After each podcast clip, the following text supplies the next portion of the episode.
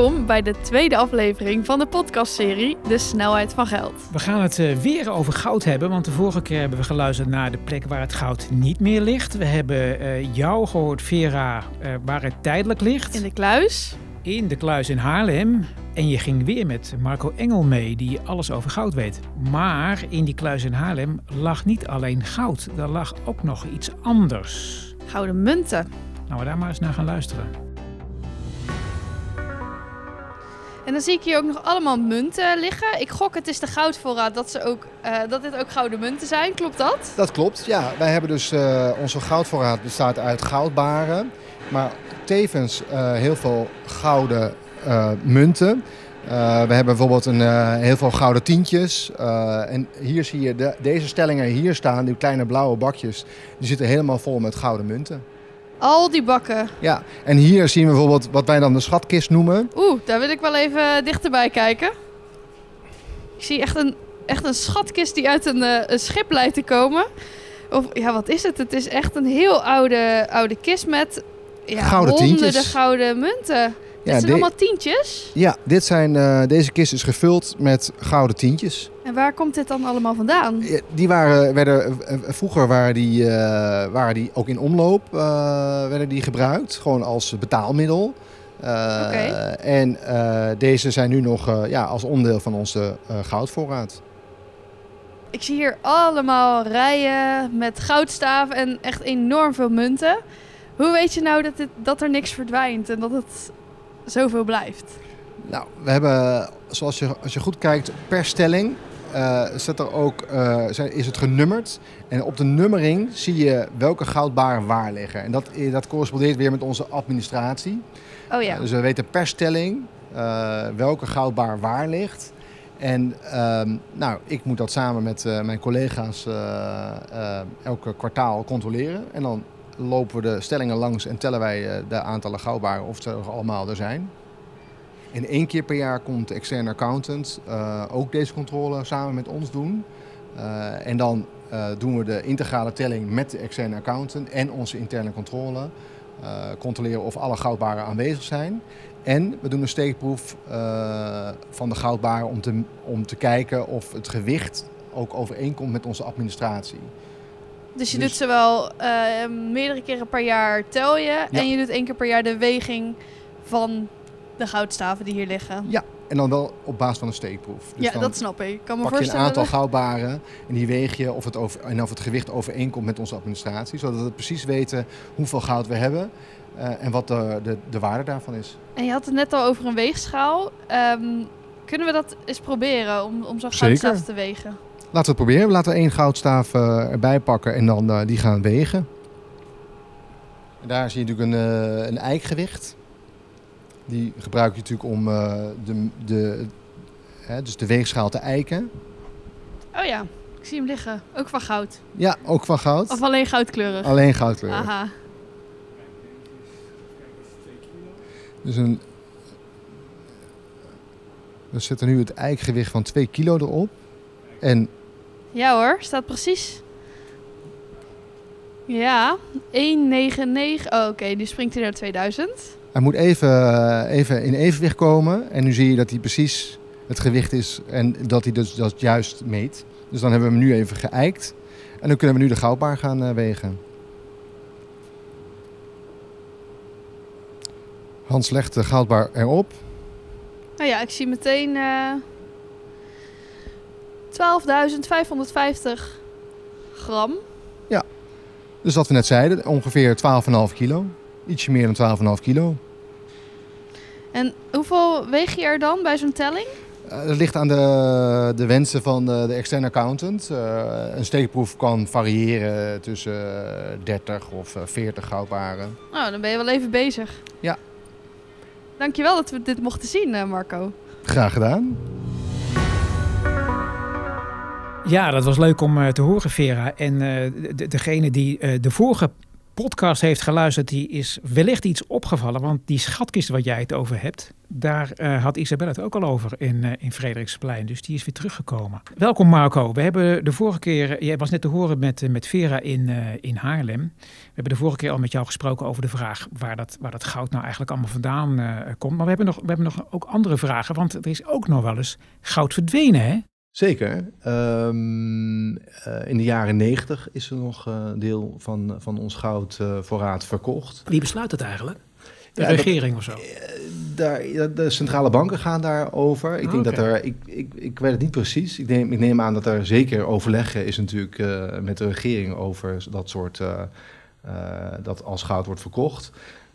en je kan je ook voorstellen dat je dat in goed samenhang moet doen. Dus dat je ook met mm -hmm. andere centrale banken daar afspraken over maakt. En dat is ook wel daadwerkelijk gebeurd. Want aan wie werd het verkocht in de jaren negentig? Dat uh, aan verschillende opkopende partijen. Dus dat, okay. dat kunnen andere centrale banken zijn. Maar dat kunnen ook uh, partijen zijn die daar sieraden van maken bijvoorbeeld. Um, maar je wilt natuurlijk ook voorkomen dat als iedereen op een gegeven moment zijn goud gaat verkopen... dan, dan gebeurt er iets met de goudprijs. Ja. En dat lijkt natuurlijk niet wat je wil. Uh, het is natuurlijk best wel gevoelig, want goud gevoelig. ligt overal. Ja. Uh, het is natuurlijk waardevast, maar het is ook afhankelijk van vraag en aanbod. Ja. Wat, wat dat dan met de koers doet. Um, ik had ook iets gelezen over goud van de Tweede Wereldoorlog, dat dat nog in Zwitserland zou liggen. En dat, daar was uh, in, in de Tweede Kamer was daar een discussie over. Dat goud komt niet terug volgens mij, hè? Nee, dat heb ik ook begrepen, dat dat niet meer terugkomt. Um, precies wat je zegt, in de Tweede Wereldoorlog uh, uh, hebben de naties uh, op, in verschillende landen het goud, de goudvoorraad verzameld en naar Duitsland gebracht. En vervolgens verkocht aan Zwitserland. Oh ja. Um, om, nou, ze hadden natuurlijk geld nodig voor de oorlog die ze aan het voeren waren. Um, en daarvoor is dat gebruikt. Want ik kan me voorstellen, toen is goud best wel actief weer gebruikt. Maar ik heb het gezien in de kluis, dat ligt daar gewoon stil. Het beweegt niet, tenzij het natuurlijk gaat verhuizen. Maar verder ligt het gewoon stil. Is het eigenlijk nog wel steeds nodig? Is, is, wat, wat is de noodzaak dat wij dat goud hebben? Ja, daar, daar, daar, ja ik heb daar niet per se uh, een specifieke mening over. Of, um, het is, wij zien het wel als een soort van vertrouwensanker, zo zou je het kunnen zien. Um, um, ja, nodig. Het, we hebben de, de, de gouden standaard is losgelaten, dus die bestaat niet meer. Ja, want to, toen was de dollar gekoppeld aan het goud. Ja. En daar weer de gulden aan eigenlijk. Ja, ja. en um, ja, die, die constructie die bestaat niet meer. Dus daarvoor is het niet nodig. Dus ja, we zien het als een, uh, ja, als een, als een, ja, een vertrouwensanker, als een appeltje voor de dorst. Uh, dat, zo kan je het, zou, zou je het kunnen uh, bekijken. Maar Want dat, dat... dat zou dan... Ja? Nou ja, je zegt het woordje vertrouwen. En dat, dat is wel, wel, interessant natuurlijk, want Nederland is niet de enige die dan, dat, die, die goudvoorraad heeft. En iedereen weet dat, dat, dat die hoeveelheid goud niet, niet opweegt tegen, tegen eh, al het geld wat er in omloop is. Digitaal dan wel, uh, dan wel uh, gartaal, zeg maar. En toch heeft het ook iets met het woordje vertrouwen te maken op een of andere manier. Dus het is, het is, het is ook een soort gevoel, zeg ik dat goed? Ja, het gevoel dat het altijd waardevol blijft, denk ik. Dat want, zou want kunnen. een euro is ook niks waard, als je het heel simpel zegt. Uh, ja, dat, het heeft allemaal met vertrouwen te maken. Uh, dat klopt. Dus, maar ik moet wel zeggen, ik vind het toch eigenlijk wel fijn hoor... dat wij als Nederland gewoon nog uh, iets van waarde hier hebben liggen. En overal in de wereld, heb je dat dan niet, Ruud? Ja, nou ja, dat, dat, is het gekke inderdaad. Aan de ene kant denk je, als je het heel rationeel benadert van, van... ja, weet je, verkoop het allemaal, want wat heb je er verder aan... En aan de andere kant heb je weer zoiets van, ja, het, geeft toch een soort gevoel van, van veiligheid of zo? Dat zou heel goed kunnen. Ja, ik, ik, ik denk dat dat wel mee kan uh, spelen. Er zijn ook landen die hebben ervoor gekozen om juist hun goudvoorraad te verkopen. Die een redelijke goudvoorraad hebben en die dat langzaam maar zeker hebben afgestoten. Mm -hmm. uh, uh, dus het is, niet, het is niet per se. Het is een keuze die je maakt. Want hebben wij nou relatief veel goud als je het vergelijkt met andere landen in de wereld? Er, ik zag, zag dat we ergens op de, de tiende plek stonden van de top 10 ter wereld. Ja, volgens mij klopt dat wel. Dus als je kijkt naar de to to totale hoeveelheid uh, aan goud dat wij hebben, dan zit je ongeveer zo op de tiende plek. Maar het is net hoe je er naar kijkt. Je kan ook kijken naar, uh, als je dat vertaalt naar uh, per Nederlander, hoeveel goud we hebben per Nederlander. Als je dat zou doorrekenen, dan staan we weer volgens mij wat hoger in die lijst. Oh ja. Uh, Amerika is nummer één, volgens mij, met de, het grootste ja. uh, hoeveelheid goudvoorraad. Ja. Ja, um, een beetje een rare vraag, hè? maar nou ja, Vera is er dan nu bij geweest hè, bij, bij het kijken naar dat, dat, dat goud. En het doet ook iets met je. Nou, je had het net al over sieraden. Mensen die vinden dat toch bijzonder. Doet er jou nou nog iets? Iemand die er eigenlijk dagelijks mee omgaat? Ja, dat is wel een interessante vraag. Ja, voor mij, ik ben daar in die zin mee bezig dat ik ervoor zorg dat het hier netjes uh, uh, wordt beheerd. Um, ik vind het nog steeds wel bijzonder als ik het zie, als ik het moet controleren of het er nog is, of uh, als ik in de kluis moet zijn. Ik vind het altijd heel bijzonder. Dus het geeft mij wel een bepaald gevoel. maar ik kan het niet heel rationeel duiden. Want um, het, ja, bij mij werkt het in ieder geval niet dat ik denk van elke goudbaar is ongeveer 700.000 hm. waard. Wat is dat dan? En als ik kijk wat er ligt, dat ik dan denk van oh, dat is zoveel miljard. Uh, ook dat zijn allemaal ja, getallen die dan weer ver weg zijn van je gevoel. Ja. Dus nee, ja, ik, het, ik vind het wel bijzonder. Maar ik kan ook niet helemaal duiden waarom het nou zo bijzonder is. Nee, want in die kluis ligt niet alleen goud, maar ligt ook heel veel geld. En misschien ligt er wel net zoveel geld als dat er aan, aan goud ligt. Ja, misschien is het alleen al de aanwezigheid van, van, van, van datgene wat, wat, er, wat er ligt, zeg maar, wat het, wat het bijzonder maakt. Ja, dat, dat zou het kunnen zijn. Dus de, de gedachte wat het vertegenwoordigt, dat vind ik bijzonder. Aan de andere kant, eh, voor mij is het wel mijn dagelijkse werk. Dus ook de bankbiljetten worden wel echt een gebruiksvoorwerp. Dus als daar heel veel geld ligt, ja, het wordt toch heel veel papier of een karton, kan je beter zeggen. Ja. dus dat is het uiteindelijk wel. En ja, dat, dat gevoel heb ik er niet meer mee. Maar met het goud is het toch wel anders. Heb jij nou, heb jij, heb jij nou met bijzondere belangstelling gekeken naar die Spaanse serie waarin dat goud werd gestolen uit. Uh, ik ben even de naam van de serie kwijt. Ja, ja. ja. Ik heb de serie wel gezien. Ik vond het ook een hele leuke serie. En ik vond het ook heel leuk dat ze allerlei elementen hebben gebruikt uh, om te duiden hoe je dat kan beschermen, of hoe je het zou kunnen stelen. Uh, als ik me niet vergis, hebben ze ook het concept gebruikt, wat in Amsterdam natuurlijk in onze kluizen uh, een soort van beroemd om waren, dat je die onder water kan zetten. dat is volgens oh, mij ja. ook in de serie gebruikt, dat je bij het stelen dat ze dus met ja, eh, met, uh, als duikers de kluis in moeten. Dat ze oh, daar rekening mee hadden gehouden. Dat was in Amsterdam ook zo? Ja, dat, was, dat is het verhaal oh. wat ik uh, altijd heb gehoord, dat okay. dat zo is. Ja, ja. dus jij hebt ook ergens een duikerspak liggen voor het geval dat, dat... Ja, dat zou je wel denken, ja. We moeten ons allemaal ons duikbuffet hebben hier. Ja, anders kom je niet meer in de kluis veilig. Dus dat is wel heel grappig. Dus ik, ik heb die serie wel gezien. Um, ik vond het wel heel leuk om dat te zien. Ja, ja en het gaf inderdaad ook alweer aan, nou ja, waar, waar, waar we het in deze uitzending ook over hebben, dat, dat goud toch, ja, dat heeft toch iets, iets magisch. Iets bijzonders, ja. Zeker. Ja. Nou, dankjewel Marco uh, voor dit verhaal. En uh, ja, goud moet inderdaad wel veilig zijn. Het gaat toch uh, om flink wat, wat geld. Um, en je had het ook al over Casa de Papel, de Netflix-serie. Dus goud wordt wel eens Gestolen? ja. Nou ja, daar zeg je wat. Want, want eerder dit jaar is er een, een, een grote goudroof geweest in Canada. En dat, dat is best wel een raar verhaal. First tonight, police are investigating a massive theft at the country's biggest airport. Peel Regional Police say $20 million worth of gold and other valuable goods were stolen from Toronto Pearson Airport. Experts we've talked to say it's most likely this money is long gone and possibly not even in the country right now. Th- that's amazing because if you guys ever tried to lift a gold bar, like just one of those gold bars is like really heavy. I mean, you just can't like stuff this stuff in a pocketbook and like run away. This takes like a lot of work. The total worth estimated at this time in our investigation for the property is estimated at just over 20 million dollars. 20 miljoen dollar. Nou Ruud, als ik dit hoor, ik heb dus zo'n goudbar uh, opgetild en ik herken dus wat ze zegt. Als ik dat voor 20 miljoen dollar zou moeten optillen, dat, dat zou echt veel te zwaar dat zijn. is niet te tillen, hè? Nee, en dat ze dat dan op zo'n vliegveld in Toronto dan hebben meegenomen. Ja. Ik vraag me echt af hoe ze dat hebben gedaan. Ja, het is toch een raar verhaal hoor. Want uh, weet je, Canada is gek genoeg een van de landen die dus helemaal geen goud meer heeft als, als goudvoorraad. Ze hebben dat een aantal jaren geleden verkocht, omdat zij, ja, ze hebben, ze hebben genoeg uh, goud en andere grondstoffen gewoon in de grond zitten. Dus zij vinden dat ze het helemaal niet nodig hebben. Marco had het er al over dat er landen zijn die dat helemaal niet meer hebben. En toch is er goud verdwenen van dat vliegveld. Dus je gaat je dan wel afvragen, nou ja, van wie is dat goud dan? Maar dat wilden ze niet zeggen. Dus dat, dat blijft geheim. Eigenlijk een zoektocht naar het goud. Wij hebben ook een zoektocht naar het goud. Ja, nou ja, Frederiksplein waren we geweest, Isabel. Jij bent in Haarlem geweest. Ik ben uh, uiteindelijk gaan praten met iemand die eh, alles weet over de plek waar het goud nu ligt, veilig In ligt Zeist. in Zeist. Ehm, de man die ons daar alles over kon vertellen is eh, Koen Voormeulen. Nou, dit is eh, de laatste stap eh, in onze zoektocht. waar gaat ons goud naartoe? We zijn op het Frederiksplein geweest in Amsterdam. We zijn in, in Haarlem ge- geweest, waar het goud tijdelijk heeft gelegen. En nu ligt het ehm, ja, op, de, op de oude vliegbasis Soesterberg. Ik, ik kijk vanaf een eh, gebouw 45. Dat is een, een, een van de oudste eh, luchtvaartgebouwen van Nederland. Eh, ooit een soort perscentrum.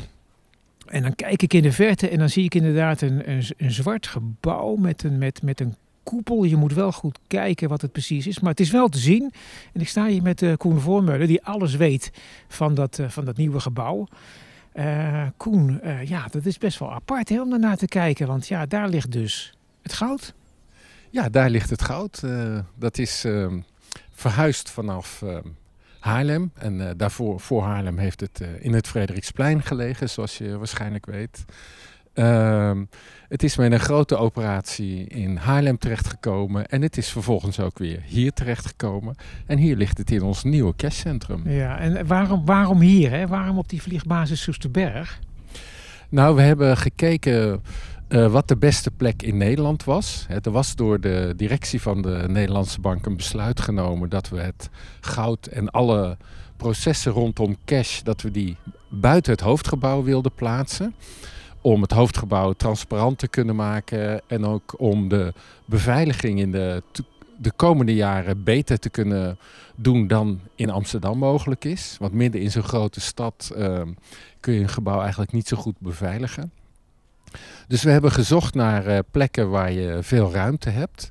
En we hebben, zijn een unieke plek tegengekomen, namelijk Camp New Amsterdam. Ja, zo heet het Eh, hier. Zo heet het, Ja. zo heet het terrein. Dat is een defensieterrein. En op dat terrein staan allemaal gebouwen van eh, de marechaussee, van de, de BSB, de Brigade Speciale Beveiligingsopdrachten. Dat zijn de echte sterke jongens en meisjes. Nou, zeg maar mannen en vrouwen die eh, met gijzelingen, terroristische acties Ja. in, in, eh, in actie komen.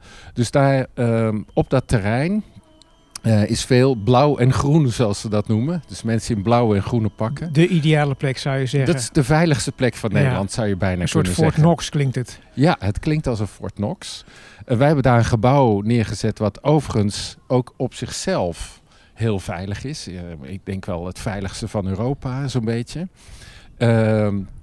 En in tegenstelling tot eh, Amerika, waar Fort Knox echt een fort is, waar als je binnen bent, dan zie je niks meer van de buitenwereld, hebben wij eigenlijk een heel vriendelijk cashcentrum neergezet. Ja, want laten we even kijken. Eh, eh, Je kunt, het, je kunt het eigenlijk best wel goed zien. Hè? Het is niet eens ver- ver- verborgen tussen de bomen of zo. Maar laat ik het eens proberen te omschrijven. En dan moet jij zeggen of ik dat goed doe. Ik zie eigenlijk een soort vierkant gebouw. Met een, eh, ja, ik weet niet eens hoe hoog het is. Dat doet er ook niet zoveel toe. Maar daar zit een soort rare kleine koepel boven. Ja, nee, dat klopt. Het is niet vierkant, het is eh, de vorm van een eh, iPhone, zeggen we wel eens. Dus een, een rechthoek met afgeronde hoeken. En om dat gebouw is ook nog een ringmuur, een stukje van het gebouw af. Mhm. Dat zie je nu bijna niet. Als je heel goed kijkt kun je het zien. Maar die ringmuur heeft dezelfde kleur als het gebouw, namelijk zwart. Waarom is het zwart? Eh, het is zwart omdat eh, de architect, eh, denk ik terecht, vond dat dit een, een terughoudend gebouw moet zijn. Het moet in de natuur passen. Want dit is een natuurgebied geworden, deze vliegbasis. En daar moet je niet een bling-bling gebouw neerzetten. Het Nee. moet een rustig gebouw zijn. Dezelfde kleur als het Militair Museum, wat we hier dichtbij zien, wat ook zwart is. Ja, en die koepel, wat is dat dan?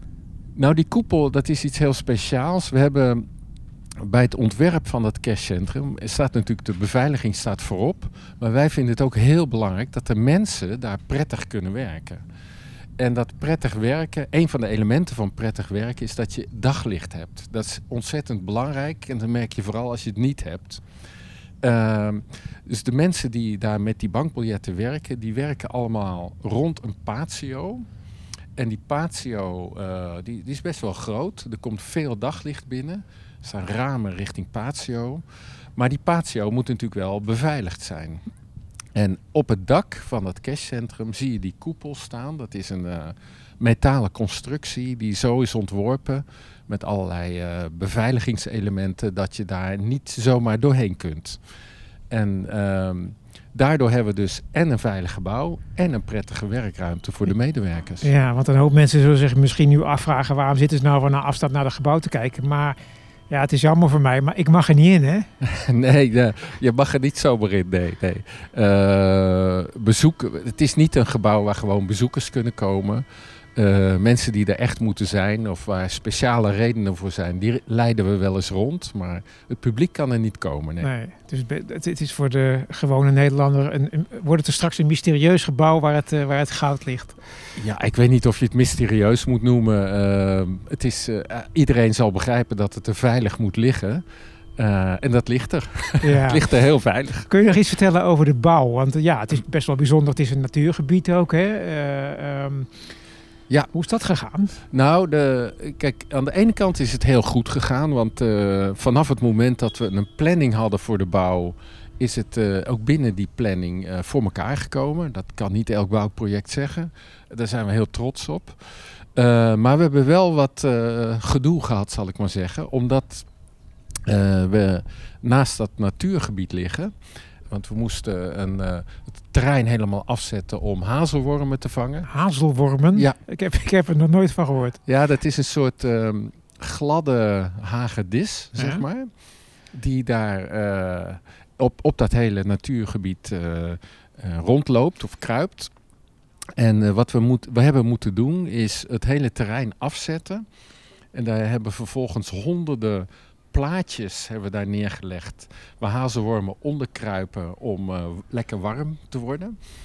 En um, dan moesten we die hazelwormen oppakken en buiten het terrein weer uh, neerzetten, zodat ze verder konden leven en dat er geen hazelwormen verloren zouden gaan. Nou, dat, hebben we, dat heeft een uh, pakweg twee maanden gekost en heel veel geld. Uh, en we hebben letterlijk één hazelworm gevonden. dus, uh, Koen, je kan niet in de toekomst kijken, maar wat denk je? Hoe lang uh, gaat het goud hier liggen? Nou, dat gaat mij overleven, denk ik. Ja. ik. Ik weet het niet, maar dit is een plek waar je niet snel meer weggaat. Zelfs als alle militairen en marechaussee die in de gebouwen om ons heen zitten zouden vertrekken, zou DNB denk ik hier niet weggaan. Dankjewel, het is een bijzondere plek. Dank je. Nou, wat leuk om te horen, Ruud, dat jij een kijkje hebt genomen vanaf de buitenkant van waar het goud nu ligt. En elke aflevering sluiten we af met een, een vraag aan Klaas. En dat noemen we slot met knot. En Isabel was wederom bij Klaas. Hi Klaas, leuk dat we hier weer mogen zijn voor het slot, uh, het slot met knot. Uh, de vraag aan jou deze week is of het goud wat wij in de kluis hebben liggen, of dat nou echt nodig is. Ja, dat is nog steeds nodig. Het is natuurlijk zo dat er niet meer een één op één relatie bestaat tussen de hoeveelheid goud die we hebben en de hoeveelheid geld die we vervolgens in omloop brengen als centrale bank. Maar geld blijft de rol vervullen van het ultieme vertrouwensanker. Dat kun je bijvoorbeeld illustreren hè, als, je, als je een beetje nagaat wat er gebeurt als er een grote financiële crisis ergens is in de wereld. Dan zien we natuurlijk dat de waarde van alle beleggingen heel hard omlaag gaat. Ook die beleggingen die bij ons op de balans staan. Maar dat geldt niet voor het goud. Omdat het goud, uiteindelijk, er is altijd vraag naar goud. Dat zal altijd zijn waarde houden. En dat is dus ook belangrijk dat de mensen weten dat de centrale bank goud heeft. Iets wat altijd waarde houdt. En dat draagt bij aan het vertrouwen wat de mensen hebben in de centrale bank. Dus goud zorgt voor vertrouwen. Goud is het ultieme vertrouwensanker. Mooi, dankjewel Klaas. Graag gedaan, Isabel. Dit was de tweede aflevering van de podcast De Snelheid van Geld. De volgende keer gaan we het hebben over vals geld en cashgeld.